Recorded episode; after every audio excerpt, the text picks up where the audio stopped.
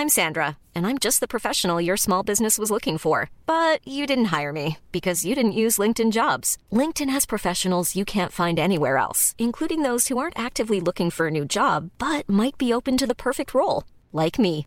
In a given month, over 70% of LinkedIn users don't visit other leading job sites. So if you're not looking on LinkedIn, you'll miss out on great candidates like Sandra. Start hiring professionals like a professional. Post your free job on linkedin.com/people today.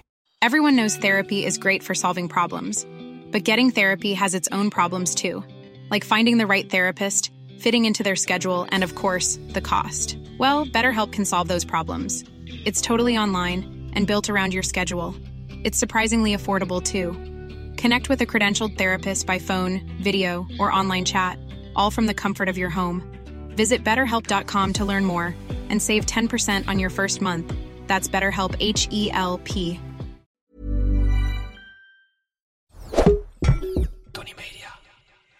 Ik ging gewoon doen wat ik leuk vond. Dus eh, ik denk dat het anderhalf jaar daarna was dat ik een videocamera kocht. Na mijn middelbare school wilde ik heel graag de toneelschool doen. Maar dat ging hem gewoon. eh, dat, dat ik, ik, deed, ik, ik heb drie jaar achter elkaar heb ik auditie gedaan. En ik ben drie jaar afgewezen. Wat zou je willen?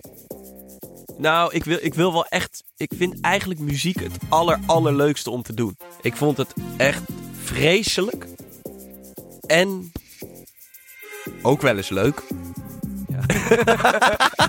ik ben met Katootje naar de botermarkt gegaan. Naar de botermarkt gegaan. Ze kon vragen wat ze wou.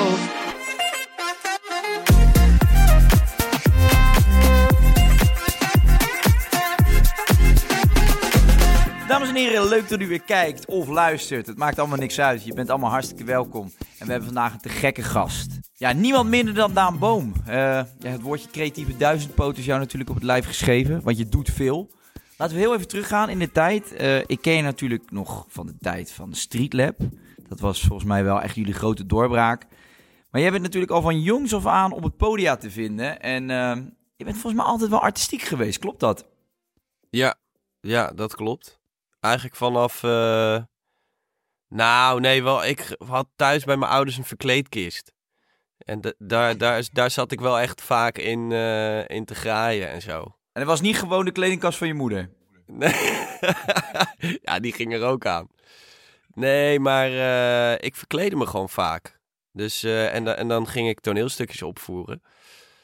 Dat, was, dat is echt vanaf heel jong. Maar eigenlijk vanaf groep 8, toen kreeg ik onverwachts de hoofdrol in de musical. En eh, toen, toen eh, eh, dacht ik wel van ja, dit, dit, dit vind ik wel heel erg lekker. Jouw leraar had dan wel al gezien dat je goed was in toneelspelen, of niet? Nou, nee, dit, dit- we hadden toevallig een vader van een leerling bij ons op school. Dat is eh Janio de Groot. En dat zegt je misschien in eerste instantie niks. Maar die zit bij het theatergezelschap Neur. Niet uit het raam. Dat is Peter Heerschop, Vigo Waas. al die gasten zitten daarbij. En hij is eh, eh, van beroep ook regisseur. En hij zei tegen mij, jij hebt talent. En dat heb ik zo serieus eh, genomen dat ik toen daar ook echt in ben gaan geloven dat ik talent had. Toen je acht was. Nee, nee, nee, nee. In groep 8. En was dat dan ook echt het moment dat je wist, dit gaat hem worden? Ja, ik, ik weet niet of ik al zo ver vooruit keek, maar het, het, was, het was wel dat ik dacht, ik vind dit echt heel erg leuk om te doen. En ik weet ook nog dat Janio, dat is die regisseur, die heeft, voor mij, heeft mij toen een brief gegeven waarin hij dus echt heeft opgeschreven van, eh, ik vind dat je talent hebt en hier iets mee moet doen. En ik heb dat allemaal wel heel serieus eh, genomen. En dat deed me ook wel heel veel. Ehm, maar het was meer dat ik gewoon, ik ging gewoon doen wat ik leuk vond. Dus eh, ik denk dat het anderhalf jaar daarna was dat ik een videocamera kocht. Omdat ik dacht, ja, ik wil, ik wil filmpjes maken. En eh, voor de jongere luisteraars, dat, dat was niet in de tijd dat een camera voorhanden was. Dus, dus daar moest je echt nog voor sparen. En moet je horen hoe oud, hoe oud je dan klinkt, hè? Ja, kijk, nu... En bandjes kopen? Ja, nou ja, mini-DV-bandjes. Eh, en, en YouTube bestond nog niet. Eh, dus, dus daarna kocht ik een videocamera. En dat vond ik ook gewoon heel erg leuk om te doen. En toen wist ik al wel, ik, ik wil iets met film of theater. Eh, maar echt heel duidelijk wat. dat, dat wist ik nog niet. Hoe ben jij vanaf de basisschool zeg maar een beetje door je schoolcarrière gewandeld? Ja, ik ben na de basisschool gestopt. Nee, ik kwam op een, uh, op een middelbare school terecht waar uh, heel veel ruimte is voor, voor creatieve vakken. Zoals drama, tekenen, muziek. Um, en het had ook een beetje te maken met het makken van het systeem misschien. Want het was, wij waren eigenlijk een soort van ehm, ja, hoe moet ik dat zeggen? Een soort testgeneratie. Ze hadden namelijk bedacht om alle leerlingen in een domein te gooien, zo noemden ze dat. En die moesten dan zelf op eigen initiatief huiswerk gaan maken. Maar ja, bij sommige mensen betekent dat uh, kloten en klieren. Uh, ik denk dat, dat dat bij jou misschien ook zo was gegaan. Dus ik was veel aan het tafelvoetballen en uh, filmpjes aan het maken. Um, wat er uiteindelijk wel in heeft geresulteerd dat ik, dat ik ben gaan doen wat, wat, ik, ben, wat ik doe nu.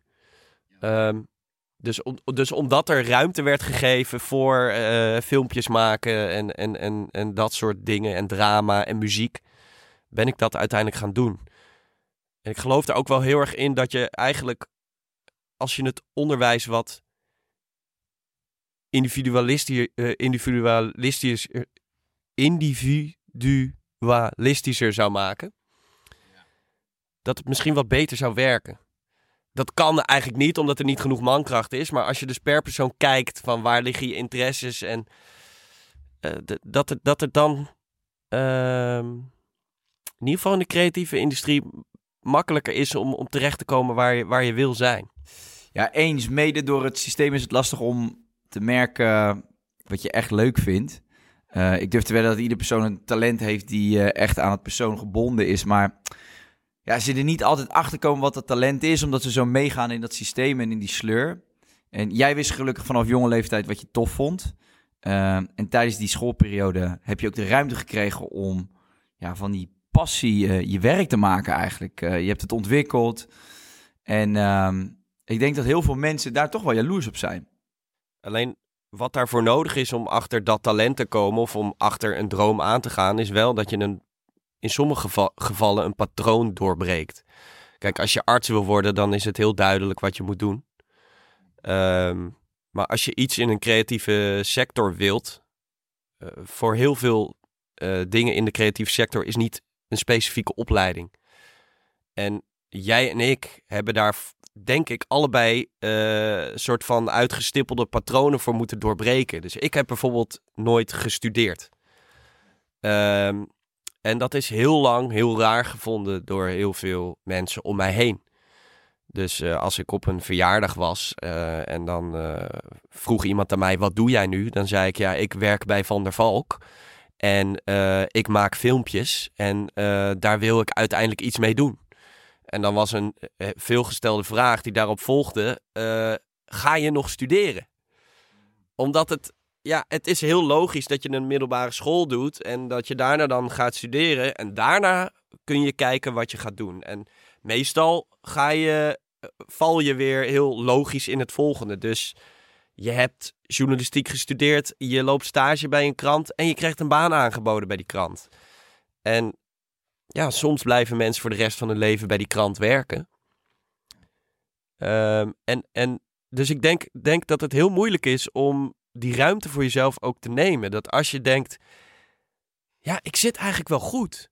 Ik, weet je, ik heb een baan, ik heb een, uh, misschien heb, ik, heb, heb je wel een vast contract. Tuurlijk, ik heb een droom, maar dat, dat kan ooit nog wel. Als ik, als ik wat meer geld heb, dan kan ik misschien ooit nog wel over die fotografie gaan nadenken. Maar ik denk dat je, er, dat je er bepaalde risico's voor moet durven nemen. Dat je dus moet durven zeggen: nee, ik ga, ik ga nu niet meer bij die krant werken. Ook al heb ik. Ik ga, ik ga mijn spaargeld ga ik gebruiken om uh, die, die dure laptop te kopen waar ik mooie fotobewerking op kan maken. En ik ga, ik ga het proberen. Uh, ik, hoe is dat bij jou gegaan? Ja, ik liep op school altijd een beetje met de ziel onder mijn armen. En uh, uiteindelijk heb ik wel ja, van mijn ouders de ruimte gekregen om te stoppen met mijn studie.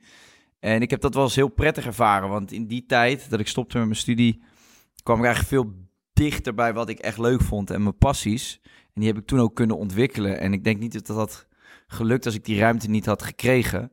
Eh, maar als je die ruimte dan pakt, dan moet je het ook wel doen. En dan moet je niet met je chipsvingers op de bank gaan zitten en eh, die tijd onbenut laten. Eh, maar dan moet je wel echt op zoek gaan naar van waar liggen mijn talenten en wat zijn mijn passies. En ehm, ja, ik denk dat je dan ehm, ja, heel dicht bij hetgeen kan komen wat je hier komt doen op aarde. Eh, Heb je in dat, in dat jaar ook daadwerkelijk eh, Oh, je houdt eens op, eh, jochie. Hey. daar heel hard gedisciplineerd aan gewerkt? Of heb je ook wel met chipsvingers op de bank gelegen? Nee, het ging vanzelf, want ik had een studieschuld. Dus dat werd een beetje mijn motivatie. En ik ben koppig. Ehm, ja, ik voelde me gewoon enorm vrij toen ik stopte. Eh, ja, want het is wel echt een drijf die uit mezelf komt. In, in, in mijn familie was het ook echt een gesprek. Maar ik heb altijd het gevoel gehad van... ik hoor niet achter een bureau of zo. Maar dat moet je dus wel durven. Dat je, dat je dus, dat, dat bedoel ik met het pa- patroon doorbreken, is dat jouw, jouw familie eh, allemaal eh, gestudeerd heeft en eh, ja, indrukwekkende banen hebben. Dat jij dan zegt, ja, ik, ik voel dat, ik, dat dat niet bij mij past. Maar dat gevoel moet je wel, dat moet je durven achterna gaan. En hoe stonden jouw ouders daarin? Dus mijn ouders die hebben, hebben nooit eh, van mij gevraagd om, om te gaan studeren. Eh, dus die hebben mij dat wel echt laten onderzoeken. Ehm, dus ik, ik ging na mijn middelbare school wilde ik heel graag de toneelschool doen. Ja. Maar dat ging hem gewoon. eh, dat, dat ik, ik, deed, ik, ik heb drie jaar achter elkaar heb ik auditie gedaan. En ik ben drie jaar afgewezen. Ehm, en tussendoor werkte ik dan bij, eh, bij, bij de grote Toekan-gigant. Eh, ik mag je gewoon merken noemen, hè? Ja, ja. Het is toch, het is toch een beetje NPO wat er dan in zit, hè? Dat ik dan de, de, de Toekan-gigant zeg. Ja, je zit hier met een commerciële hoer natuurlijk. Nee, dus, dus, ik, dus ik werkte dan bij Van der Valk. En dan ging ik daarnaast ging ik, eh, bleef ik filmpjes maken met Stijn en met Jasper en Tim. want die kende ik allemaal van de middelbare school. En, eh, en, dan, en dan weer auditie doen. En weer afgewezen worden. Wat was de reden? Nou, het eerste jaar was ik, was ik denk ik, eh, deed ik alleen in Amsterdam en in Utrecht auditie. En Utrecht vond ik echt vreselijk, want, want daar moest ik echt... eh, ja, dat was voor mij veel te abstract. Daar moest ik tijdens de auditie de wind onder mijn oksels voelen. En de wind wordt steeds harder. En oh, de wind verandert in bliksemschichten. En dan sta je met zo'n hele groep, sta je daar. En dan ben ik veel te erg bezig met... Wat, staan we hier te doen? Ehm, en, en Amsterdam vond ik heel tof. En dan ging ik een lied zingen eh, met mijn muziekleraar van de middelbare school. Eh, Ramses Shaffi zong ik daar. Maar ja, ik was 18. Weet je, ja, en, en als je 18 bent, dan denk je niet, ik ben 18 en ik ben heel jong. Dan denk je gewoon, ja, ik ben er klaar voor. Gek. Ehm, maar ja, achteraf gezien was ik veel te jong. Eh, en het tweede jaar eh, deed ik in Maastricht en in Amsterdam auditie. En toen weet ik nog dat ik... eh, dus je hebt drie rondes. Er doen... Ja, hoeveel mensen zouden de auditie, doen? Volgens mij iets van 2000. Er worden er 50 aangenomen. Het is echt... het, het is... Het is ja, de kans is niet heel dat je wordt aangenomen. Ehm, maar in, in Maastricht weet ik nog dat ik werd afgewezen omdat degene die mij daarna opbelde, dan word je opgebeld om, te laten weten waarom je bent afgewezen. Die zei, ik had een solo gedaan waarin ik piano speelde. Eh, ik had een, een filmpje die, zich, die werd afgespeeld op een beeldbuis op een tv. En dat was ik zelf die het journaal presenteerde. En die journaalpresentator raakte op een gegeven moment afgeleid doordat ik zelf op het podium met een Barbie aan het spelen was. En toen kreeg ik op een gegeven moment een gesprek met mezelf via, via die beeldbuis. En dan ging ik daarna achter de piano nog een liedje zingen. Dus het was een soort van, ja, bizarre veelheid aan dingen. Eh, eh, dat, die gast, die zei toen op een gegeven moment van, aan de telefoon van... Ja, Daan, eh, zingen, dansen, piano spelen, film, acteren. Wat, wat wil je? Je, je, wil, je wil veel te veel. Je moet een keuze maken. En de- ja, de- daarom zei hij van ja, je moet, je moet eerst nog gaan onderzoeken wat jij nou wil in het leven. En dan kun je volgend jaar misschien nog een keer auditie gaan doen. En het is nog steeds zo bij mij dat ik, ik wil nog steeds veel te veel. Dus ik werd daar afgewezen om, om, om iets wat ik nu doe eigenlijk. Ik doe al die dingen. Eh, ja, dansen doe ik misschien iets minder. Maar voor de rest doe ik eigenlijk alles. Ik maak muziek. Ik ben een rapper. En eh, ik ben programmamaker. En eh, ik doe gewoon wat, wat ik voel. En, en wat ik wil vertellen, dat, dat ga ik doen. Ehm, dus het grappige is dat je. Dat, dat er soms mensen zijn die jou ergens op afwijzen. Wat eigenlijk een soort van kracht van je is. Ehm, heb, jij, heb jij dat ook wel eens gehad? Ja, ik weet die standaardzinnen van leraren ook nog. Ja, en die stoorzender haal je er dan uit. En dat begrijp ik ook met dit systeem. Want ja, uh, als je als leraar 30 kinderen stil moet houden en dan loopt er eentje te tetteren, dan snap ik wel dat je op een gegeven moment denkt, die stoorzender moet eruit. En ik kreeg ook altijd te horen, met grappen maken kom je nergens. Zit je toch lekker, zit je toch lekker op Ibiza? Zit je toch de, de meest luie podcast van Nederland te maken? En ik ben je ook heel erg dankbaar, hè, Daan? Dat moet je niet vergeten. hey, nog even nee, het is alleen maar een compliment, hoor. Ik zat net in de trein hier naartoe, toen dacht ik, dat is eigenlijk wel grappig. Dat ik, ik, ik woon in Utrecht, ik zit in de trein naar uh, een podcast toe. En ik ik kom hier en ik kijk tegen scherm aan en jij zit in die pizza. Dus jij wordt wakker. Je denkt, wat heb ik vandaag? Oh ja, ik heb straks een gesprek met Daan. Ik klap mijn laptop open. Zet een microfoontje neer. Maar het is alleen maar, je hebt het goed gedaan. Hey, nog even terugkomend op, uh, op je passieonderzoeken. Is dat niet ook gewoon heel erg lastig omdat er uh, ja, gewoon zoveel keuzes zijn tegenwoordig qua studies en dat soort dingen? Ja, dat denk ik ook. Ik, ik denk nou ja, kijk, ja. Is het, is het dat er te veel keuze is of is het dat het te moeilijk is om mensen te begeleiden in een, in een uh, keuze? Je, je, je ziet de hele dag zie je van alles voorbij komen op social media. En eh, eigenlijk iedereen deelt succesverhalen. Het is een beetje het bekende probleem. Dus je gaat dan automatisch als je jong bent en heel beïnvloedbaar bent en nog heel erg aan het zoeken bent naar wie je bent en wat je wil, denk je misschien eerder, oh shit, ik, ik moet ook zoiets doen. En dat was er vroeger natuurlijk niet. Zelfs in onze tijd was dat er, was dat er al minder.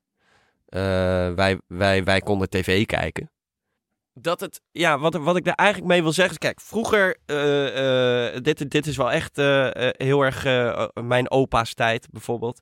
Je, wordt je wordt geboren in een dorp en je vader is, nou, mijn overgrootvader had een kledingwinkel. En die liet zijn zoon in die kledingwinkel werken en die woonde in Dedemsvaart.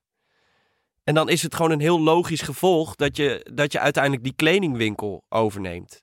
En als je dat niet wil, dan moet je dus, net als wij bijvoorbeeld hebben gedaan, dan moet je een patroon doorbreken. Dan moet je iets anders gaan doen. Maar het is heel, ja, dan, dan was het van, van ja, misschien hadden mensen meer een idee dat ze waren voorbestemd.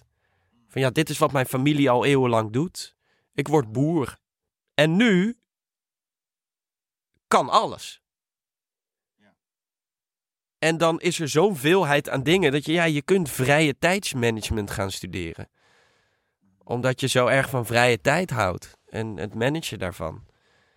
Um, ja, je kunt. Uh, uh, Stijn heeft bijvoorbeeld algemene sociale wetenschappen gestudeerd. Dan, eh, dan ben je daarmee klaar. En dan weet je eigenlijk alsnog niet waarvoor je nou gestudeerd hebt. Um, er is eigenlijk zoveel keuze dat ik nu ook niet zo goed weet waar, waar mijn punt ligt. Ja, ik ken dat. maar ik volg je nog gewoon hoor. Ik vind, het, uh, ik vind het mooi. Ik luister graag naar je, Daan. Nee, ik kijk, want ik denk aan de andere kant denk ik van... je, je kunt maar beter uh, na je middelbare school... als je echt niet weet wat je moet gaan doen... een studie kiezen die veel vlakken raakt die jij leuk vindt. Ja, dat is herkenbaar voor veel jongeren, denk ik. Dus bijvoorbeeld algemene sociale wetenschappen. Want ik denk wel dat het op die jonge leeftijd goed is... om te blijven uh, leren en kennis te blijven vergaren weet nog heel goed dat ik, dat ik één keer uh, Hans Steeuwen tegenkwam. Nou, ik denk dat jij ook een groot fan bent van Hans Steeuwen. Ik zie, uh, ik zie, ja, ik zie veel uh, invloeden bij jou van, van Hans Steeuwen. En het, ik kwam hem tegen omdat ik, dit is eigenlijk heel raar. Ik kwam hem tegen omdat ik een heel klein rolletje had in de show um, van Micha Wertheim. Is een cabaretier is een cabaretier, uh, lid van Comedy Train. Fucking hyper intelligente gast. als je naar een voorstelling van hem gaat en je bent moe, dan eh, ga je het denk ik wel zwaar krijgen. Je moet wel de hele tijd opletten. En eh, ja, ik, ik vind het erg eh, tof wat hij doet. Ik speelde, hij speelde in het openluchttheater in, in het Vondelpark. En ik had een heel klein rolletje in zijn show. Ja, dat duurt te lang om dat allemaal uit te leggen. Maar in ieder geval, ik kwam backstage, kwam ik Hans Steeuwen tegen. Nou ja, hij is voor mij ook een soort god. En eh, ja, ik schudde hem heel zenuwachtig de hand. En eh, toen vertelde ik een beetje eh, wat ik deed. En ik speelde... Vroeg hij dat? Opre daar ben ik oprecht benieuwd naar. Vroeg hij jou wat doe je? Of ging je het Nee, eigenlijk zelf vertellen? ja, ik denk eigenlijk dat ik mezelf gewoon heb opgedrongen. Ook over je musicalrol vertellen. Ja, ja, ja, ja. Nou, ik was dus tien. Ik was tien. Ik had een dubbelrol. Maakte een levenselixer van, de, van de leerlingen van mijn klas. En jij Hans? En jij? En jij? En jij? Maar ehm, eh, ja, ik denk dat ik mezelf heb, heb opgedrongen. Maar het enige wat hij eigenlijk tegen mij zei was... eh, eh, leuk. Eh, lees je wel genoeg?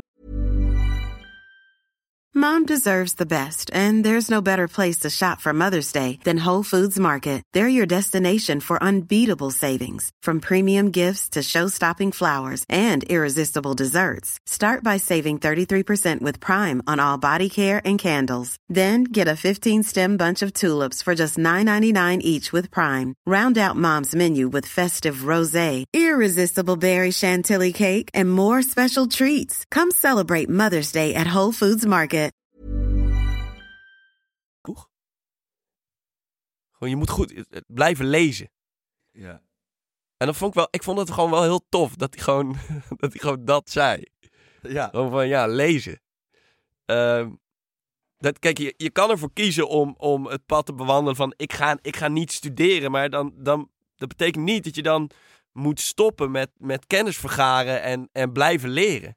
Maar dat is denk ik het belangrijkste punt. Want dat is een beetje de misvatting. Kijk, op het moment dat je stopt met je studie, dan moet je natuurlijk wel er alles aan gaan doen om die passie, dat talent of die droom te vinden. En als je die dan hebt, dan zul je daar nog steeds tering veel voor moeten doen. Ja. Het is niet alsof het dan dat, dat ik stop met studeren en dan komt het allemaal. Sterker nog, nee, dan moet je daarover gaan studeren, daarover gaan leren, daar kennis over eh, proberen te vergaren. Dus ik, ik, het is niet een kwestie van niet willen leren, niet willen studeren, maar ik geloof wel dat, eh, dat het misschien binnen het scholensysteem moeilijk is om er dan achter te komen wat dat precies is, omdat dat niet allemaal in studievakjes past. Ja. Niet alles wat, wat, wat je leuk vindt of wat er bestaat of wat bij je talent past, eh, daar is niet overal een studie of een opleiding voor te vinden, snap je? Ja. Maar ik geloof wel, dus als jij dan zegt van nou, ik wil toneel spelen, ja, dan moet je fucking hard je best doen. En dan moet je ook zorgen dat je daar de beste in wordt. En dan moet je heel veel video's gaan kijken van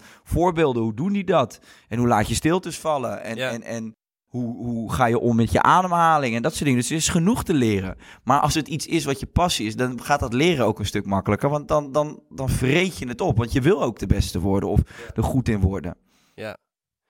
Ja, maar ik denk ook dat het, dat het eh, eh, misschien een goede tip is aan mensen die niet weten wat ze willen. Dat het prima is om.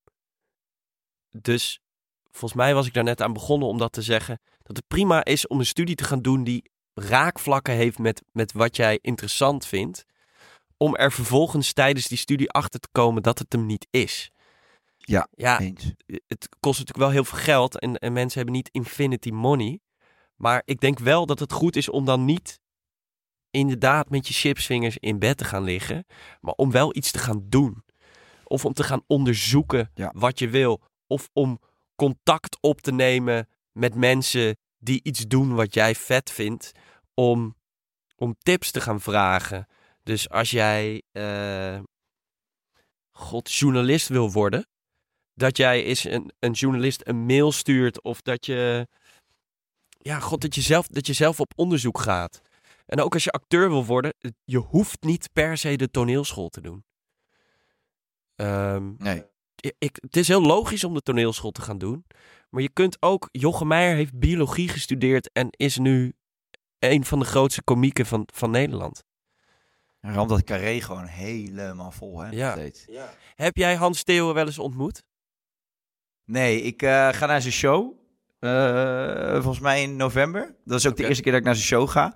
Want Hans Tim natuurlijk wel, ja, toen hij echt, echt koning was van Nederland, toen was ik echt best wel jong. Ik bedoel, dat is natuurlijk die, die shows Middelbare school, toch? Ja, dan was ik gewoon jong en dat hij dat die dan de koningin lag te beffen en eh lik mijn bruine anjer en ik ken al heel veel van die dingen ken ik bijna uit mijn hoofd. Maar ik was toen jong, dus ik, ik ben nooit naar zijn shows geweest en ik heb hem nooit ontmoet en ik weet ook niet of ik dat wil. Ergens denk ik van laat Hans maar gewoon die mysterieuze kerel blijven. Eh, het kan alleen maar tegenvallen. Want Ik denk ook dat het niet is dat je, dat je een heel leuk lang gesprek met hem hebt of zo. Toch? Nee, nou... het was niet een heel lang gesprek. Maar kreeg jij nog een boekentip van hem ook, of niet? Nee, Nee. nee. Nee, het was gewoon... Ja, god, hij was er gewoon. En toen... Ja, ik was natuurlijk ook gewoon een heel jong pisventje. Ik denk dat ik 19 was of zo. En, en, en, en dat is wat hij zei. Ja, god. Lees je wel genoeg? Ja, heel goed. Lees je wel genoeg. Blijven lezen. Ja, dat zei hij. Maar het is niet zo dat jij, jij, jij zou niet een keer met hem dit willen doen, wat, je, wat, wat wij nu doen. Podcast, jawel. Ja, dat wel. Dat wel. Ehm, Denk je dan dat je teleurgesteld raakt? Ik denk het niet namelijk. Nee, ja, nee. Ik, ik, ik, kijk, ik, als, ik, als hij ergens in een interview vers- verschijnt, wat niet heel vaak gebeurt, ik kijk het altijd. En ik vind het gewoon een fascinerende vent. Ja. Wat ik aan hem grappig vind, is dat hij, hij komt natuurlijk over alsof hij eh, in, in zijn sketches, alsof hij in een psychose blijven hangen. Maar hij is hyper intelligent. hij heeft een woordenschat. Dat, ja, ik vind dat fantastisch. Ik ben niet mega goed in de Nederlandse taal, maar ik kan er wel altijd eh, van genieten als iemand heel goed is met woorden. En, en ook gez- met gezegdes en metaforen komt of eh, spreekwoorden dat je denkt, hè, daar had ik nog nooit van gehoord. Vind die eh Adriaan, van, eh, Adriaan van Dis vind ik ook prachtig om naar te luisteren. Maar ehm, nee, dus ik zou, ik zou hem heel graag in een, in een podcast willen hebben. Maar ik bedoel meer van, ik heb altijd met jeugdhelden of zo, die, die, die, die, die leven in je hoofd als een soort, die hebben daar een positie. En op het moment dat je iemand in het echt tegenkomt, dan kan het tegenvallen. Ehm, vind ik ook met, met voetballers waar je dan heel lang naar gekeken hebt. En die dan op een gegeven moment met pensioen zijn. En dan, Ja. ja, het is, dat- weet je, dit, nee, dat moeten die mythische mannen blijven daar. Met dat oranje shirt op dat veld. En, Ja. Hey, maar daar genoeg over die studietijd. Ehm, je bent inmiddels, eh, dat is allemaal passé. Je hoeft niet meer eh, met toneel, eh, mensen van de toneelschool te bellen. Je hebt een succesvolle carrière, je gaat alle kanten op. En sketches, ik vind sketches ook verschrikkelijk leuk. Jij vindt het ontzettend leuk, weet ik. en je hebt er zelfs een, een tour aan overgehouden. Dus je hebt De Dien, hè? De Dien, dan, De Dien. Dat is een sketch, daar rap je mee. Ehm, en je hebt daar een tour aan overgehouden. Ja, ik vind dat dus echt fucking geestig. En het lijkt me dus ook voor jou vet, want je, daarin kan je dus echt, nou ja, twee dingen combineren. Eén, het rappen, maar ook het toneelspelen. Er komt best wel veel samen daar. Hoe leuk, hoe leuk vind je dat om te doen? Nou, allereerst, ehm, het is geen sketch. Je bent het echt. Ja. ik vond het echt een hele mooie introductie. Het is geen sketch. Nee, het is geen sketch. Nee, alleen dit is... Ja, kijk, je, je legt de vinger op de zere plek. Ehm, in de laatste aflevering van het tweede seizoen... heb ik hier, sluit ik af met een monoloog hierover. Ja. Ehm, en dat, dat is eigenlijk dat... Ja, daar zeg ik het in afgewogen woorden. Alleen, ik loop heel vaak daartegen aan dat, het, dat mensen eh, vragen aan mij... Ben jij nou serieus of niet? Ehm, en het antwoord daarop is ja. Alleen, ik gebruik humor als boodschapper. En heel vaak is het zo dat als jij humor als eh, boodschapper gebruikt, om een manier om iets over te brengen, dat mensen denken dat het niet serieus is. Alleen ik maak wel degelijk serieus muziek. Ik maak bijna al mijn hele leven muziek. Ehm, maar ik, ik, ik gebruik wel humor om, eh, om een boodschap over te brengen. Dus een goed voorbeeld daarvan is de collab met eh Donny. Ik heb een collab gedaan met Donny. En ehm, dat nummer gaat over eczeem. En Donny en ik hebben allebei eh eczeem. En in een, in een hele ehm, heftige vorm. Ehm, en het nummer is best wel grappig en de clip is ook heel erg grappig. Eh, alleen, alleen we raken daarmee wel een, eh, ja, een best wel serieus onderwerp. En ik hoop daar, daarmee ook te bereiken dat er mensen zijn die eczeem hebben. Het liefst jonge mensen die op een middelbare of een basisschool zitten, die zich ervoor schamen.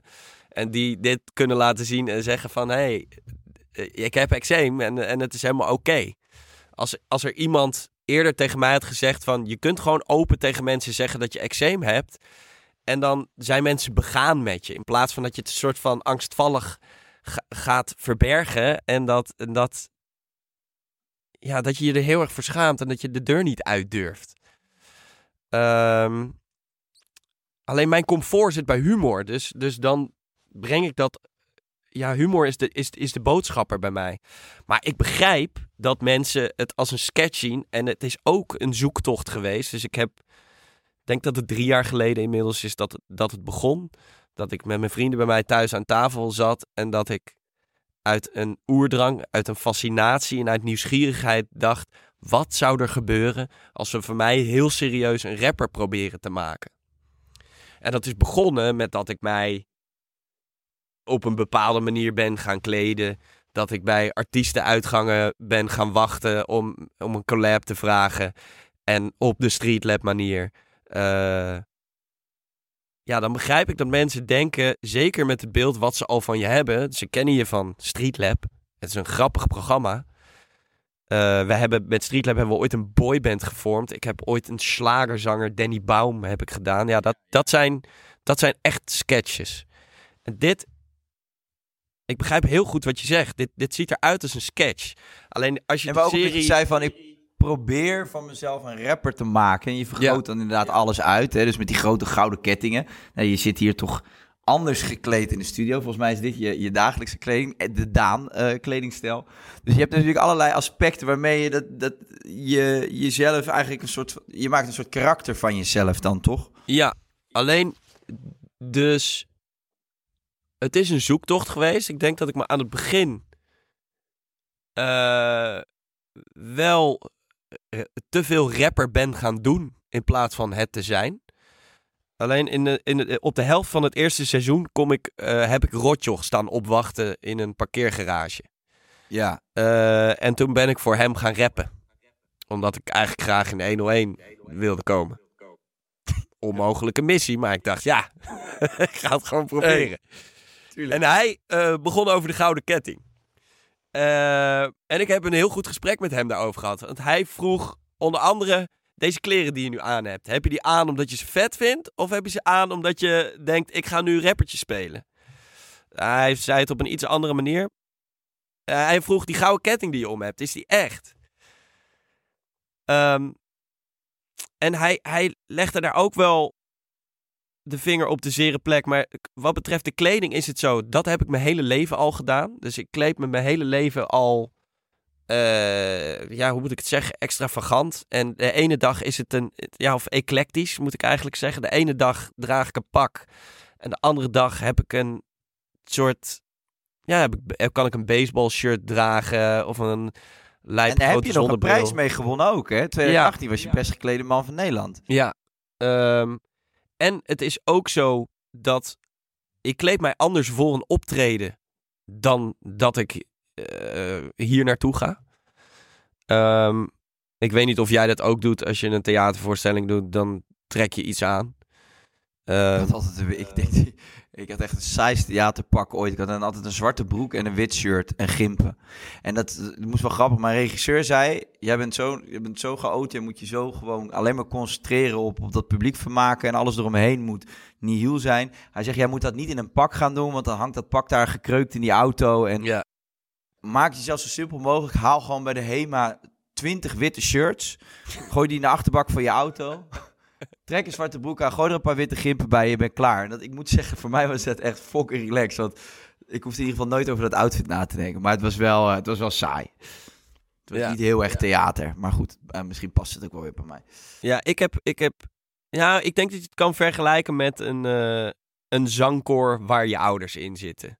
Dus je vader zit in een zangkoor en die trekt zijn bloemetjes overhemd aan voor het optreden Of ze hebben met z'n allen afgesproken, we, de, we hebben turquoise als thema en we hebben allemaal turquoise accenten.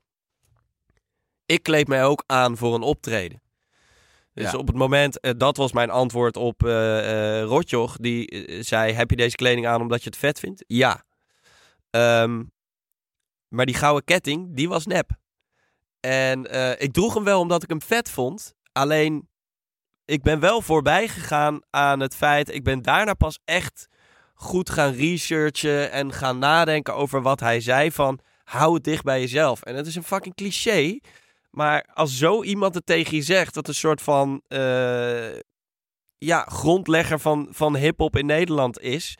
Of in ieder geval een soort van gatekeeper. Iedereen die bij hem komt, die krijgt een springplank. En wat hij heeft betekend voor de Nederlandse hip-hop-industrie is ongekend. Als zo iemand dat tegen je zegt, dan ga je daar wel even honderd keer beter over nadenken dan dat het je buurman is.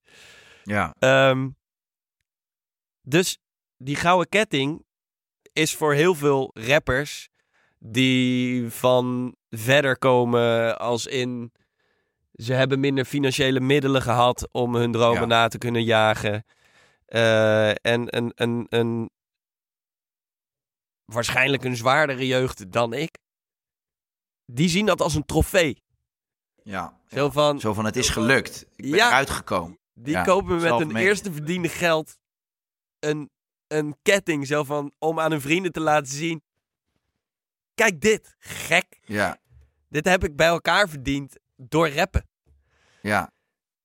En ik had een ketting besteld op ASOS die ik wel vet vond. Dus ik, ik geloof wel dat je een, een gouden ketting kunt dragen die nep is, omdat je hem vet vindt. Alleen, ik denk dat je wel bij al die dingen die je doet, eh, moet nadenken over waar het vandaan komt. Of eh, ja, die dingen, die dingen met, met research moet kunnen doen. Ik ben wel, ik ben eh, oprecht, ik vind het leuk dat we deze podcast hebben. Want ik ben oprecht best wel verbaasd.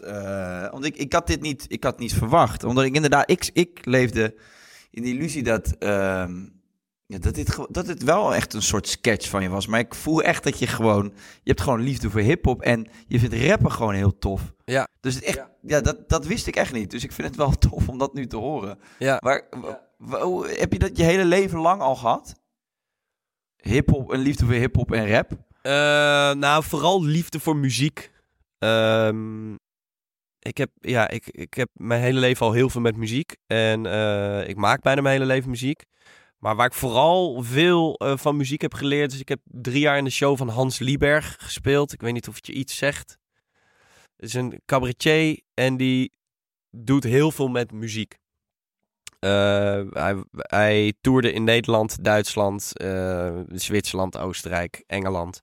En ik heb drie jaar met hem getoerd. En wat ik ook met hem deed, was wij...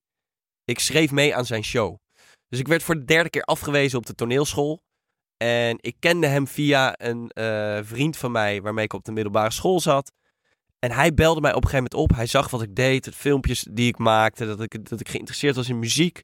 En ik had een aantal keer gesprekken met hem gehad. En hij belde mij op een gegeven moment op. En hij zei, ik ben een nieuwe show aan het schrijven. Ik heb eigenlijk een aangever nodig. Iemand die instrumenten komt aangeven. Zou je dat leuk vinden? En toen dacht ik, ja... Tuurlijk, gek. Fucking eredivisie. Eh, op, op die podia staan. En eh, ja, zeker. En toen ben ik met hem... Hij eh, gaf mij steeds meer verantwoordelijkheden. Dus ik ben met hem vijf dagen in de week... Dus gewoon als een baan van 10 tot 1 elke dag gaan schrijven. En dat hield in luisteren naar muziek, zoeken naar verbindingen in muziek. Ehm, een voorbeeldje is, ik weet niet of jij dat kent hoor, Wim Zonneveld zegt dat je iets. Ja, dat ken ik wel. Of die ken ik wel. Ja, ja, ja. je hebt zo'n nummer van hem, dat heet Katootje. Ik ben met Katootje naar de botermarkt gegaan, naar de botermarkt gegaan. Ik kom vragen wat ze wou. En dan komt op een gegeven moment het stukje. En mijn zuster die heet Kay. En mijn zuster die heet Kay. En als je naar dat stukje luistert, naar hoe dat in die muziek in elkaar zit, dan hoor je. En dat stukje is Mozart. Ja, En dat pakt iemand dan en die denkt, dat vind ik vet. Dat kan ik hier aan, dat sluit aan in dit akkoordenschema. En zo leidt alles in de muziek er zitten overal verbindingen in. Dus ik was Ja. de hele dag met hem op zoek naar die verbindingen. En hij is muziekwetenschapper. Hij heeft muziekwetenschap gestudeerd. Dus ik, ben, ik, ik heb drie jaar lang heb ik eh, vijf dagen in de week ben ik met muziek bezig geweest en verbindingen in muziek. En daar is mijn liefde voor muziek steeds groter geworden. En ehm, daardoor ben ik ook meer gaan begrijpen over hip-hop. Omdat ik misschien eerst over hip-hop, voordat ik, voordat ik met Hans werkte, over hip-hop misschien wel dacht van ja, ze samplen iets. En dat herhaalt zich het hele nummer lang. Ehm, alleen hip-hop is zoveel. Ik heb het nu eigenlijk niet, nog niet eens over de teksten. Maar hip-hop is muzikaal gezien ook zoveel gelaagder dan dat je in eerste instantie hoort. Eh, en dat is heel tof. Ja. Wat grappig, ja. Dus die, die, überhaupt heb je er gewoon een mega grote fascinatie voor muziek. Maar je hebt er dan uiteindelijk nu wel voor gekozen om eh, v- vooral de focus op hip-hop te leggen. Ehm, wat, eh, ja, wat, wat, wat zie je voor je de komende jaren? Met deze, met deze specifieke carrière move. wat zou je willen? Nou, ik wil, ik wil wel echt. Ik vind eigenlijk muziek het aller, allerleukste om te doen. Ja, Eh, maar ik zou eerlijk, ik vind heel veel dingen leuk. En ik vind het ook moeilijk om, om keuzes te maken. Als ik echt lef zou, lef zou hebben, dan zou ik nu op dit moment moeten zeggen: ik stop met alle eh, andere programma's. En ik ga mij alleen nog maar focussen op de Dean. Eh, wat je nog nooit echt gelukt is, toch? Omdat je altijd zoveel ja, dingen om handen hebt gehad. Ja. Maar wat, kom je eigenlijk weer uit bij wat die man van de toneelschool vroeger tegen je zei? Dat zou je dan nu ineens wel moeten gaan doen. nou, want om dat verhaal toch een beetje rond te maken, hij heeft eigenlijk gelijk. Ja. Waarom? Omdat je, ik denk dat je nooit echt ergens bizar goed in kan worden. Dus ik denk niet dat je ergens de beste in kan worden als je al die fucking dingen tegelijk doet. Als je columns schrijft, als je een karaokeband hebt, als je een programma maakt en eh, ook muziek maakt. En als je al die dingen tegelijk doet, dan heb je te weinig focus op dat ene ding waar jij het allerbeste in wil worden. Ja. Ja, ja. Nee, ja, maar ik ben, ik ben het er wel mee eens. Ik kom daar de laatste tijd eigenlijk steeds meer achter dat focus is key. Ehm, ook als je een onderneming wil beginnen. Je, het is heel belangrijk om, om je daar wel echt heel erg op te focussen. En, en soms bijna even een tijdje in een soort tunnelvisie moet verkeren om ja, eh, eh, die onderneming van de grond te krijgen. Maar ik heb het ook... Ik deed op een gegeven moment presenteren. Ik deed eh, dingen op YouTube. Ik deed typetjes op Facebook. Ik ging op een gegeven moment een theatershow doen. Ik vond die theatershow trouwens heel erg zwaar. Ik heb me echt daar zwaar in verkeken. Ik heb volgens mij tien try-outs gedaan. Eh, op een blauwe maandag nog op een blauwe maandag eens een keer die, eh, die hele tekst afgeschreven. En toen dacht ik, nou, ga maar staan. En toen had ik mijn première in de Lamar. Nou ja, echt. Eigenlijk is het krankzinnig. Eh, maar ik heb dat heel zwaar gevonden. En toen heb ik ook gezegd, als, je dit ooit, als ik dit ooit nog een keer zou doen, dan zou ik eigenlijk niks anders willen dan alleen dit. Ja. Dus gewoon een jaar zeggen van, dit is een jaar lang toeren. En daar ligt alle focus. Maar nee, ik ging dan naar, naar, naar Hengelo en de volgende ochtend ging ik dan nog even een campagne doen voor, eh, voor Instagram. En dan ging ik, ten, weet je, nou, compleet off focus. Heb je het wel leuk gevonden? Ik heb het heel erg dubbel gevonden. Ik heb momenten gehad dat ik mezelf echt vervloekte van waarom doe ik dit. Dat waren vooral de momenten dat ik op dinsdagavond in mijn eentje richting dus Hengelo reed. Eh, terwijl het buiten grijs was en dat ik dacht, ik eigenlijk moe was en dacht van... Volgens mij had ik nu ook gewoon op de bank moeten liggen. Waarom, ha- waarom haal ik mezelf dit op de hals? Maar ja, weet je, heel cliché. Maar ja, dan sta je op dat podium en dan gaat het goed. En dan heb je toffe interactie met het publiek. Ja, en dat, dat maakt alles weer goed. Maar ik vond het hele hoge pieken en hele eh, hoge da- of lage dalen. Ehm, vond ik, ik weet niet, ik vind het, ik probeer nog steeds en nou een beetje te voelen van wat ik daar nou van vond van die ervaring. Ik vond het heel apart. Als ik eraan terugdenk nu en zo met jou praat over toneel, dan, dan voel ik wel dat er nog iets, iets brandt van, oh ja, tof, tof, weet je, op een podium staan en bewegen. En, ik vond het ergens ook, ook niet leuk. Weet het niet zo goed. Ik deed ook helemaal, ik heb me best eenzaam gevoeld toen. Ik deed helemaal in mijn eentje. Ik ging ook in mijn eentje naar die shows toe. Ehm, ja, dan word je ontvangen in zo'n theater. ja, ik stel, sommige mensen zullen denken, wat valt hier weer in herhaling. Maar eh, ik ben nu in gesprek met jou, dus zorg het nog maar een keer. Dan kom je, in zo'n toneel, dan kom je bij zo'n theater aan en het zijn niet de meest sexy plekken natuurlijk. Eh, ook die, die kleedkamertjes, weet je wel. 9 van die 10 kleedkamers, dat is, hangen gewoon telbuizen en eh, systeemplafonnetjes. En dan zat ik daar op zo'n houten bankje in mijn eentje en dan hoorde ik dat geroezemoes. En er liep zo'n zaal vol met honderden mensen die ik nog nooit in mijn leven gezien had. Ik vond het heel, heel apart allemaal wat dat met me deed. Maar als ik dan eenmaal op dat podium stond en ik, die, die kwam die eerste vijf minuten goed door, ja, dan, dan vond ik het meest magische gevoel ooit. Dus ik vind het, eh, ja, ik kan er niet echt de vinger op leggen wat, eh, wat dat contrast nou was. Of hoe groot het, hoe groot dat contrast was. Nee, grote vriend. Ehm, Hey. Ja, ik heb, ik heb eh, precies hetzelfde seizoen getoerd als jij. Met een, met een Ja, one-man klopt. show. Ehm, Was dat jouw eerste one-man show? eh, hij, heette, hij heette ook de eerste. Ehm, wat ik ervan vond. Ik vond. eh, eh, ja, ik herken het heel erg wat je zegt. Ik vond het echt vreselijk. En. Ook wel eens leuk. Ja. nee, kijk, het, het is wel. Het is, ik had zeg maar. Dit was mijn allergrootste droom. Mijn allergrootste Ja. droom was. Een, met een one-man show in het theater staan. En. Ja, ik, ik, ik kon gewoon niet geloven dat ik, dat ik dit echt kon gaan doen. Ik had ook. Ik, ik zei ook gelijk tegen, tegen eh, mijn eh theaterimpresariaat van. Ze zeiden van, oh, de boekingen gaan wel echt heel erg goed. We willen eigenlijk eh, maart erbij trekken. Ik zou eerst drie maanden toeren. Uiteindelijk stonden er 90 shows in een half jaar. En ik had gezegd, ja, doe maar, gooi maar vol, want dit is wat ik wilde. En hoe lang was je show, Daan? Ho- hoe, de, hoe de show was? Nee, hoe lang? Anderhalf uur, zonder pauze. En ehm, ik het, ja, een beetje vergelijkbaar. Ik had 12 try-outs. Met echt zo'n boek aan materiaal. Want het is je eerste show ooit. En, en ik heb Ja. ik vond het schrijfproces vond ik al de hel. Om, omdat ik dacht, ik deed het ook in mijn eentje. Dus ik, ik had geen regisseur. En uiteindelijk had ik eh, op, ik denk in twee weken voordat ik in première ging, had ik een regisseur. Eh, want dat, dat was al een, een soap op zich. Dat had op een gegeven moment een regisseur tegen mij gezegd. ehm, ja, ik zat bij zo'n impresariaat wat een beetje zo in het hoge segment van, van theater zit. Dus er zijn ook Ja. veel toneelstukken en zo. Dus zij hadden mij allemaal regisseurs aangeraden die, die echt in dat, ja, in dat hoge segment zitten. En dan had op een gegeven moment de regisseur tegen mij gezegd... Die had een, een, een opname van mijn show bekeken. En die had gezegd... eh, hij had eerst gezegd, ja, ik doe het en ik heb tijd. En toen heeft hij me opgebeld en zei hij... Ik heb je show bekeken. Ehm, ik ga het niet doen. en dat was twee weken voor mijn première. En ik ging echt Want die is zoveel werk nodig. ja, ja, dit, dit heeft nog zoveel. Dit, dit is gewoon. eh, Eigenlijk zei hij min of meer: dit is onbegonnen werk. Nee. Ja, ja, ja. Wat, En- wat voelde je toen? Ja, ik ging door de grond. Ik wilde niet meer. Ik, ik wilde echt, echt niet meer. Maar ik heb dit gevoel ook zo vaak gehad. Ik wil niet meer.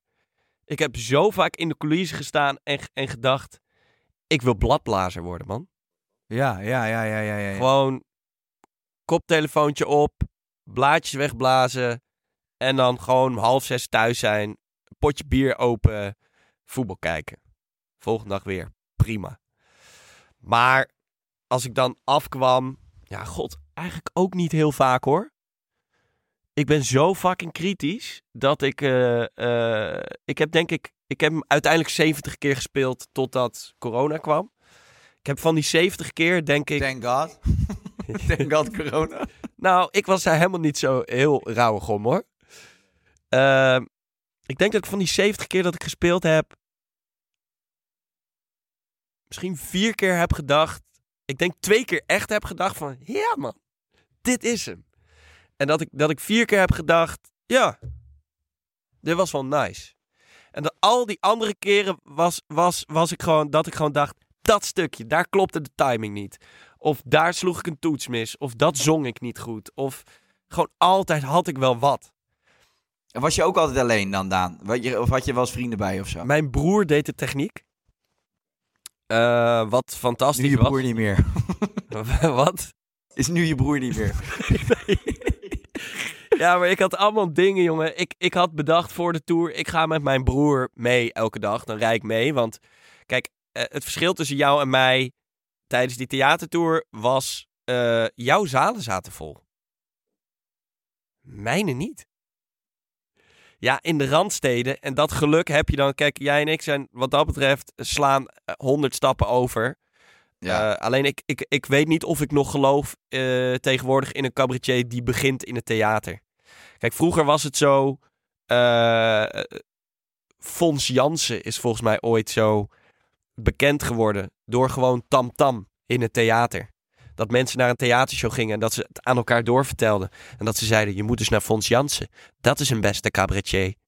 En dat mensen dan zo, dat het uiteindelijk zo'n grote cabaretier wordt. Nu, mensen gaan sowieso niet meer uit zichzelf naar het theater. Dus de theaters waren denk ik heel blij met mensen zoals jij en ik. Die al wat bekendheid hadden om weer jonge mensen naar het theater k- eh, Ja, het ging, vooral ook om die, het ging ook vooral om die leeftijd. Hè? Dat, daar waren die theaters natuurlijk blij om. Dat Ja. Je hebt uitzonderingen hoor. Mensen online die hebben dan een, eh, grote doelgroep in, in- tussen de jongeren. Dus dan ga je automatisch een hele nieuwe doelgroep aanboren. Maar ik weet wel dat mensen die, en dat, dat snap ik ook wel. Kijk, eh, mensen die, die dus al jaren bezig zijn om dat grote podium te pakken. Ehm, ja, weet je, kijk, bijvoorbeeld René van Meurs. Volgens mij was hij hetzelfde jaar dat ik. Dus daar speelde ik in het oude Luxor in Rotterdam. Ja, mijn eigen stad. Eh, ja, dat was fantastisch. Maar dat is ook als je dan daar binnen bent en je loopt door die kleedkamer, ziet al die posters, dan denk je wel, oké, hier hebben wel wat mensen gestaan die, eh, die er echt wel wat van kunnen. En dan kom jij daar, weet je wel. En ik weet ook dat René van Meurs echt lang, lang heeft moeten doen voordat hij op die plekken mocht staan. Ja. En eh, wij hadden dezelfde technicus, dus wij, wij kwamen elkaar wel eens tegen. Of dan hoorde ik via die technicus wel eens wat. Ja, weet je wel, eh, die mensen dachten wel van, wat komen deze gasten allemaal Ja, doen, joh, met hun, eh, met een social influencer bereikje. En eh, die staan ineens op die grote... En wij, wij zijn hier, ja, hetzelfde een beetje wat ik denk, ik, wat, wat kickboxers en boxers nu wel eens moeten ervaren als ze naar dat boxing influencers kijken, weet Ja. je wel? Er, er zitten duizenden mensen in de zaal en er wordt ook nog geld betaald. En die jongens trainen zich vanaf hun achtste helemaal kapot. Dode schenen, klappen op hun kop. En die moeten blij zijn als ze een keer ergens een wedstrijdje mogen doen in een achterafzaal, weet je wel. Het is Ja. natuurlijk oneerlijk, eh, maar goed. Nou ja, ik weet, niet of het, ik weet niet of het oneerlijk is. Eh, die mensen kennen jouw route niet. Nee, maar ik kan me voorstellen dat het voor hun, want ik ben, daar ben ik het mee eens hoor. En uiteindelijk krijgen we, ik tenminste, weet je wel, we krijgen ook echt een hele nieuwe sloot mensen naar theater. Wat uiteindelijk, uiteindelijk voor iedereen die in het theater staat goed is. Maar ik kan, ik kan me voorstellen dat het, dat, dat het, is oneerlijk frustrerend. voelt. Ja, frustrerend. Ja, dat is misschien een beetje. frustrerend, maar het is, ik, ja, ik vind het toch niet, eh, niet oneerlijk. Ehm, Nee. hetzelfde denk ik over, eh, over eh, de Dean trouwens. Is dat, dat veel mensen uit de hip-hop industrie eh ernaar kijken of één dingetje hebben gezien. En dan denken, ja, nu gaat er weer zo'n YouTuber of een tv-presentator rappertje doen. Ja, die kennen mijn weg niet. En Nee. eh, ik vind het prima dat ze dat denken. Vind ik echt Ik prima. wou net zeggen, me- ook een mega goede, ook alweer een mega goede motivatie, denk ik. Om, Ja. om dadelijk ook gewoon te kunnen zeggen van jongens, dat dachten jullie in het begin. En kijk nu. Nou, ik snap ook dat ze dat denken en ik vind dat helemaal prima. Ehm, maar goed, ik wilde nog heel graag over het schrijfproces van die theatershow zeggen dat ik dat echt de hel vond. Omdat, omdat als je een cabaretvoorstelling gaat schrijven in je eentje, dan moet je jezelf echt fucking leuk vinden. Want je zit in je eentje achter, ik weet niet hoe jij het hebt gedaan, maar ik zat in mijn eentje achter een laptop en dan ging ik gewoon dingetjes schrijven die ik dan in eerste instantie best wel grappig vond. En dan lees je het voor de vierde keer terug en denk je, ah, ik weet het eigenlijk helemaal niet. Ik werd gewoon echt, ik werd daar bijna depressief van. Dat ik echt dacht, ik vind het helemaal niet fijn om de hele fucking dag in mijn eigen hoofd te zitten. Want waar ik vandaan kwam, was elke dag met mijn vrienden filmpjes maken. En nu zat ik in mijn eentje, in mijn eigen huis, een theatershow te schrijven. Ja, en dan begint die theatershow uiteindelijk en heb je veel te veel materiaal. En dan eh, heb je twaalf try-outs. wat, wat gewoon voor een cabaretshow echt te weinig is. Je mag blij zijn dat je al twaalf shows kunt spelen. Hè? Want dat, eh, eh, dat, dat, die luxe hadden jij en ik dus.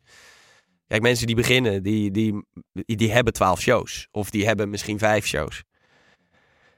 Maar goed, als je echt een volwaardige cabaretvoorstelling maakt... waarmee je dus een heel seizoen gaat toeren... dan, dan zijn twaalf eh try-outs heel weinig. En eh, ja, god, dat is inderdaad wat je doet. Ik ging dan met mijn broer, ging ik elke dag, moesten wij om één uur moesten we er zijn. En dan ben je in je eentje, ben je in middelharnis. En dan staat er een vrijwilliger jou op te wachten. En die zegt echt, het zijn allemaal fucking lieve mensen. Absoluut. Maar, maar ja, je bent daar wel ook weer in je eentje. En trekken een appel of wil je nog... ja, ja, eh, eh, kijk eens, Pla- Zo'n witte plastic bekertje met water wat je dan kreeg. Kijk eens, lieverd, die heb je twee consumptiebonnen. Kan je even lekker wat van halen na de voorstelling. En, en ik vond het echt... Ja, ik vond dat al echt weer een serie op zich. Gewoon al die Ja, vrijwilligers van, van de theaters. Nederland heeft een van de grootste theaterdichtheden van, van de wereld. Op elke hoek is ongeveer een theater. En dat is fantastisch. Maar god, als je dat in je eentje doet, jongen. Je moet jezelf zo fucking leuk vinden. En ik ben er echt achter gekomen dat ik mezelf niet zo heel erg leuk vind. Dat je, dat je ja, elke dag met jezelf opgescheept zit in zo'n kleedkamertje. En dan maar weer een rondje lopen door, door middelharnis in dit geval. Wat, wat Ja, ja, echt ja. wel... Ik wil mid- middelharnis niet beledigen, maar... Ja, het is niet heel groot. En, en je hebt het rondje snel gehad. En dan zit je weer in die grijze kleedkamer. Exact. En je gaat dan tijdens dat rondje ga je zo ook in je eigen hoofd zitten. En dan zit je te kijken op die klok en dan weet je, ik moet nog zes uur. Ja. En als je dan toch al niet helemaal lekker in je hum zit, dan, dan is dat gewoon een slijtageslag. Zes uur lang wachten Ja. op het moment. En dan zelfs, ik had dan nog denk ik wel, als ik naar je verhaal luister, ik had wel meestal als ik op het podium stond, dat ik het echt wel leuk vond. Ehm, en eigenlijk altijd ervoor niet. Eh, maar als jij ook nog eens gewoon daarna van het podium afloopt en ook nog eens denkt, ja, ik, ik vond het eigenlijk kut. Ja, dan moet het echt een soort martelgang geweest zijn jou, Nou. die, die 70 shows. God, ik had gewoon altijd heel veel kritische punten. Ik vond het na de voorstelling wel altijd leuk om, om de foyer in te gaan en met mensen te praten. Ehm, en ik, ik heb het ook wel echt leuk gevonden hoor. Ik vond de optreden zelf wel heel leuk. Om, tijdens het optreden vond ik het heel leuk. Want dat is iets magisch, wat jij net ook al zei. En dat komt volgens mij omdat je... Ik heb nooit zo'n hoge concentratie als op het moment dat ik optreed. En ik deed heel veel met. eh, eh, mijn voorstelling was best wel interactief. Dus ik deed heel veel met dingen die uit het publiek kwamen.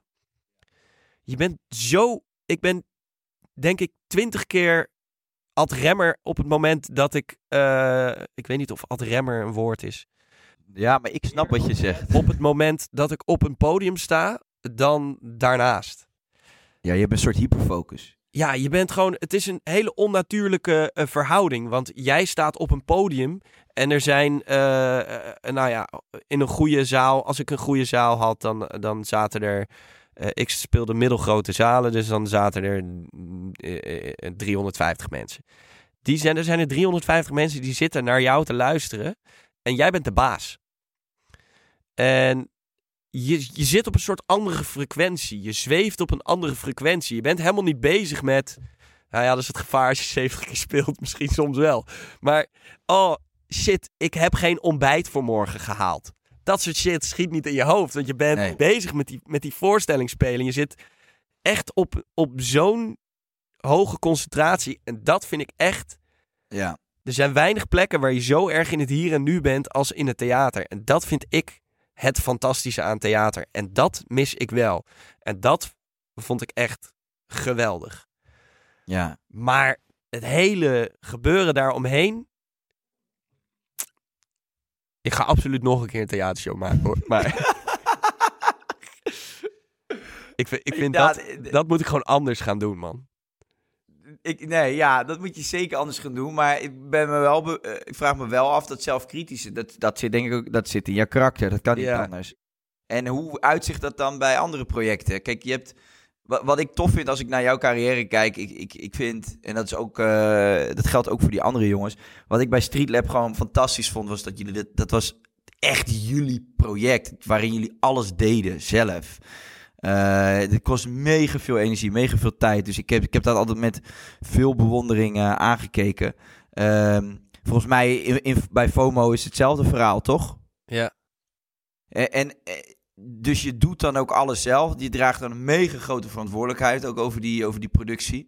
Hoe gaat dat daar dan, Daan? Als je zo zelfkritisch bent, hoe, als je zo'n video uploadt, Wat gebeurt er dan met je? Heb je dan ook dat je altijd baalt van, oh, dat had beter gemoeten, of daar had ik dat moeten zeggen, of die edit klopt niet? Nou, kijk, bij, bij, Streetlab was het bijvoorbeeld zo, dat, dat begonnen wij echt he- helemaal, helemaal ehm, nou niet helemaal zelf, want we hebben altijd bij het productiebedrijf eh, CCP gezeten. Daar zitten we ook met de FOMO Show. En die hebben dat heel goed begeleid. Maar op een gegeven moment hebben wij zelf het idee eh, eh, Streetlab bedacht. En aan het begin van Streetlab hebben we dat zelfs nog zelf geëdit. Ja, ja, dat kan ik me nog herinneren. En dan wordt het precies zoals het in je hoofd zit. Alleen als je, eh, hoe succesvoller je wordt, misschien herken jij dit ook, hoe meer mensen er ineens bij komen. Eh, want, want je producties worden groter, er komt eh, meer budget beschikbaar om iets te maken. Ehm, en dat betekent ook dat het niet meer kan worden zoals het exact in jouw hoofd zit. En dat is dat, die- wat je dan eigenlijk moet doen, is dan moet je ehm, eh, concessies doen en eh compromissen sluiten. Dus dan ben je, kom je terug van een draaidag en dan kijk je naar een edit en dan denk je, ik had dit anders gedaan, maar het is prima. Je- dat kan je wel.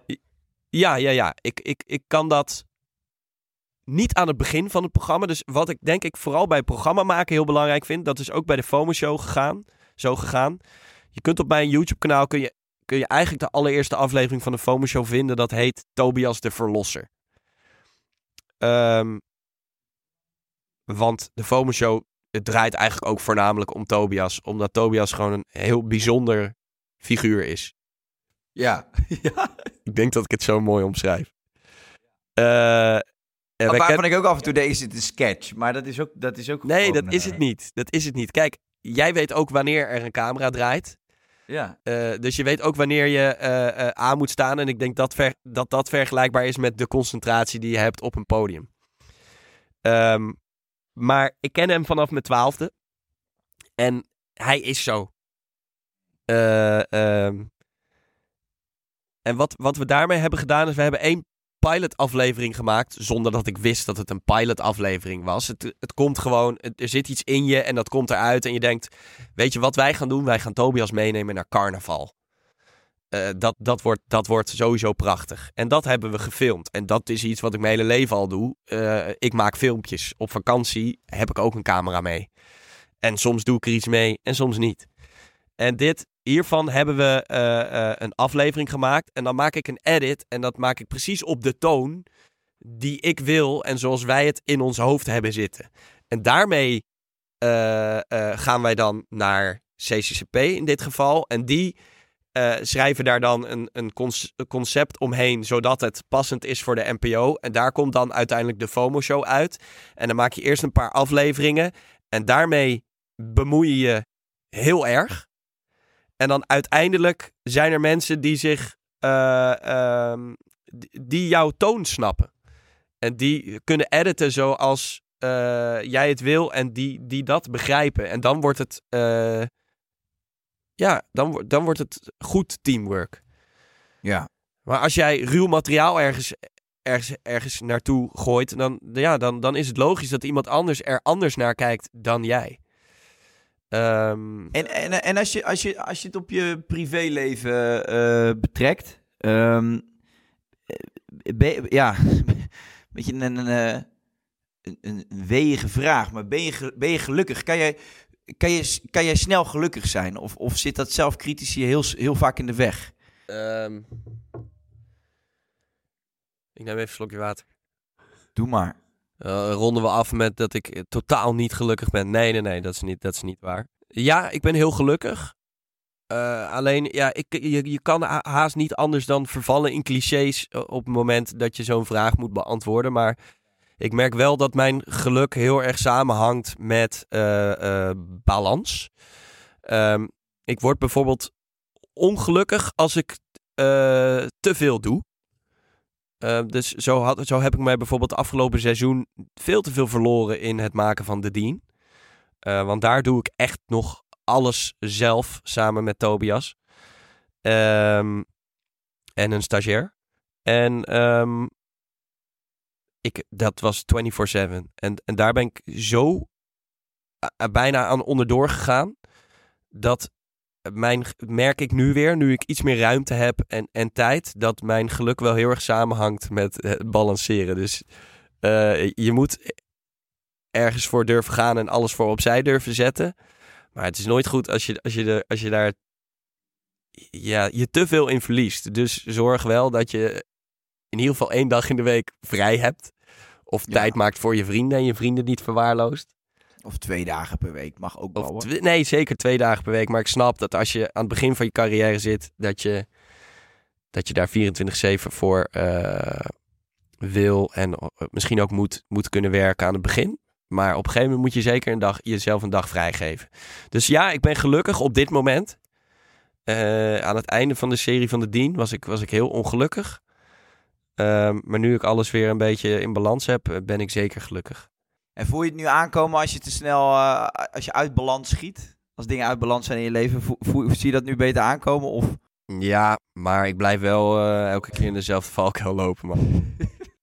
Jij?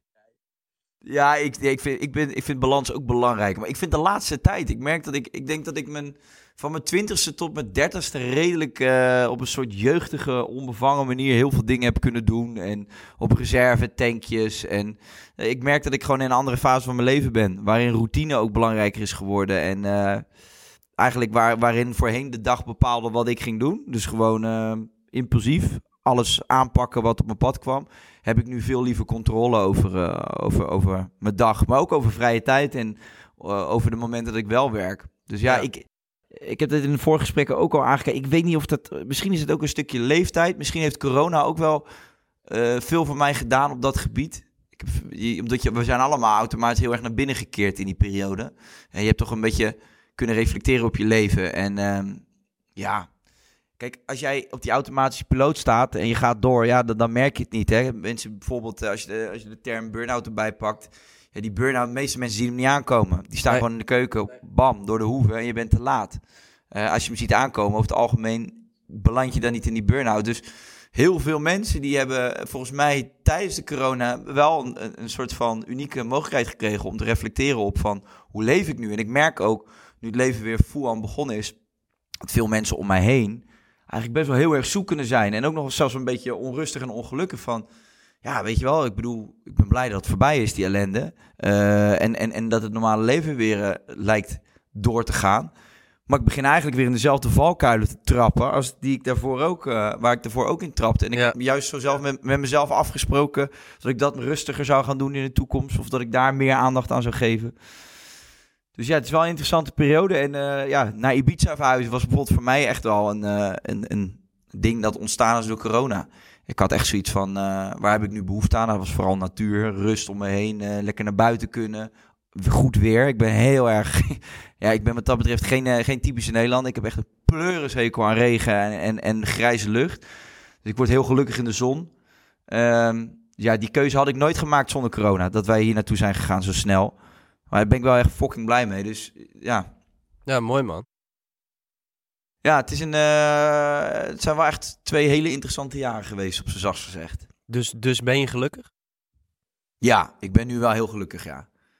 Maar ook wel, dat is wel. Uh, de, ik heb nog niet zo heel lang geleden, een paar maanden geleden, was ik heel erg dit. Omdat ik verhuisde naar Spanje. Ik had nog een gedeelte uh, van mijn leven in Nederland.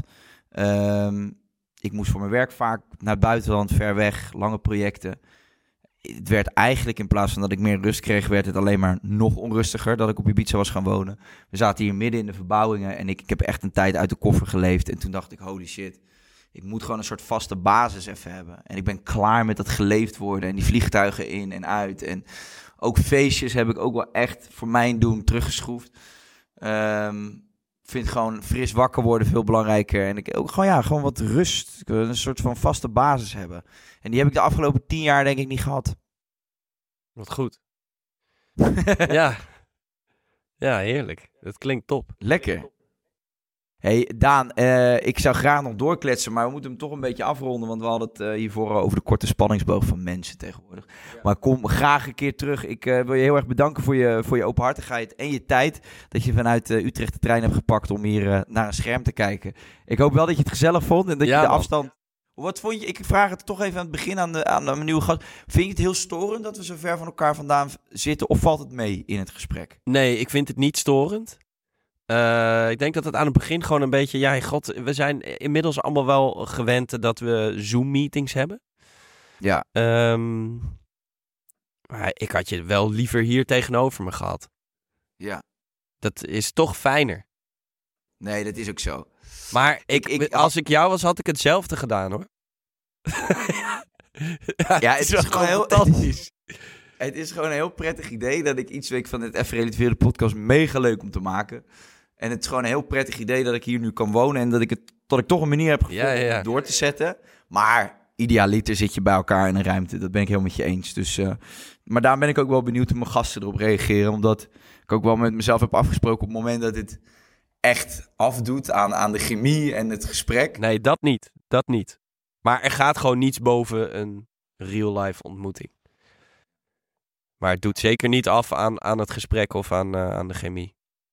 Ik denk dat ik je eh, best redelijk snel zie bij het AMF-feestje. Tenminste, als je daar bent. Oh, ik ben daar niet. Oh. ja, dan, Maar dan ik heb dus je laatst nog gezien. Ja, we hebben elkaar laatst gezien, ja. Waar Ja. was het ook weer, Daan? Bij Talicia de verjaardag. Oh ja, tuurlijk. Tuurlijk. Eh, Ja, Daar weet jij weinig meer Zo. van, denk ik. nee, toen was ik echt apenlazers. Dat is een mooie avond. Dat klopt, ja. hey, eh, we gaan elkaar vast nog wel zien ergens. is goed, man. Eh, ik wens je een fijne dag. Wat moet je nu nog doen? Eh, ik ga eventjes eh, naar mijn ouders. Ik heb weinig te doen, man. Doe ze de groeten van me. Ja, zal ik doen. En Hey, doe jij de groetjes daar. Doe ik. Dames en heren, jullie bedankt voor het kijken of luisteren. En uiteraard zijn we de volgende week gewoon weer. Dus zoom lekker in. Check lekker in en lekker webcammen met z'n allen. Houdoe.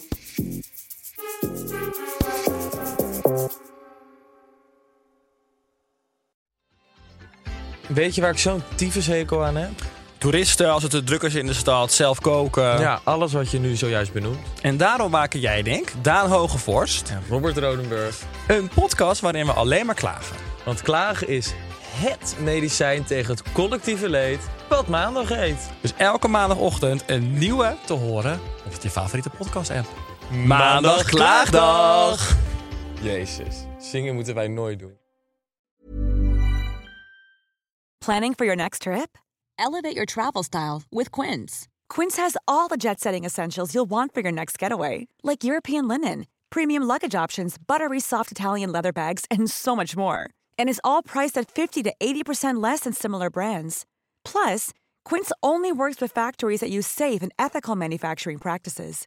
Pack your bags with high-quality essentials you'll be wearing for vacations to come with Quince. Go to quince.com slash pack for free shipping and 365-day returns.